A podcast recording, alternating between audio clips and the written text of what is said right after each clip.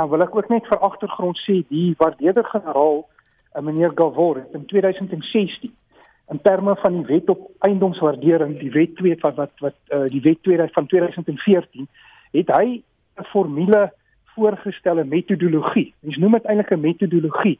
En hierdie metodologie handel dan oor hierdie of vyf of so aspekte in die grondwet van artikel 25 wat nou waarna hulle kyk is die huidige gebruik van die eiendom jy weet die geskiedkundige agtergrond van hoe hierdie eiendom verkry is en dan natuurlik die markwaarde van die eiendom en markwaarde wat dan gebruik word en dit is wat nou wat hierdie waardeerde generaal na gaan kyk het.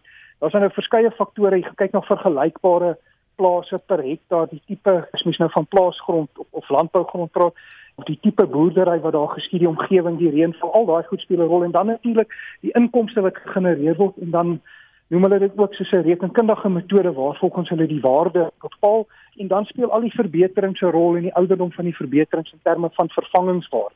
Maar nou het hierdie waardeerde generaal het inderdaad in hierdie wet, die eiendomswaarderingswet van 2014 'n metodologie voorgestel waar hierdie faktore wat nou ook insluit die rede van die onteiening en dan in watter mate die staat betrokke is. Waar hy nou 'n formule voorgestel het waar mens dan nou gaan en jy gaan kyk na die die tydperk. Wanneer was hierdie sien nou maar daar is 'n geskiedenis waar die grond onteien was vir ehm um, segregale doeleindes voor die hervormingsgrondwetgewing. Dan is daar 'n formule wat hy bepaal het om dan waarde per vierkante eh, hektaar, ag per hektaar dan nou vas te stel. En dit is nie 'n baie ingewikkelde formule nie en volgens my is dit eintlik die oplossing daarvoor om dan vas te stel en dit is 'n baie regverdige formule. Maar boop dit, jy weet, kan ek vir jou sê daar is 'n legio van gerapporteerde sake tot nog hierdie jaar en verlede jaar in terme van wat is regverdige vergoeding in terme van 'n onteiening. Dan moet mens net weer teruggaan om te gaan kyk, jy weet 'n plaas kan nie net sommer onteien word. Jy weet die heel eerste stap is dit moet in die publieke belang daar moet 'n doel daarvoor wees. En as dit die onderwerp van 'n grondeis is dan sal die onteieningswet ook van toepassing wees maar dan gaan die restituisie wetgewing wat nou nog nie weer in werking gestel is nie wat verval het van toepassing wees.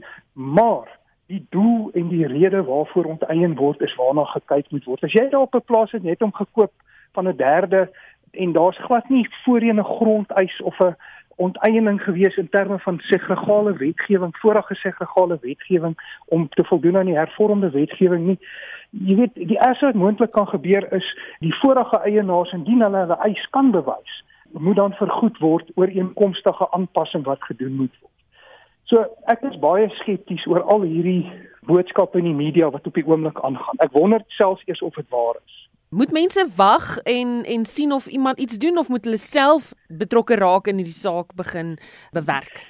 Ek doen 'n beroep op grondeienaars, alle grondeienaars om heel eerstens gaan te gaan vasstel wat is die waarde van hulle eiendom en om dan met met deskundiges te gaan konsulteer, 'n prokureur wat weer 'n advokaat of 'n senior advokaat gaan gebruik om hierdie proses verder te sit. Om na 'n organisasie toe te gaan en weer met tafel te gaan sit en te gaan debatteer.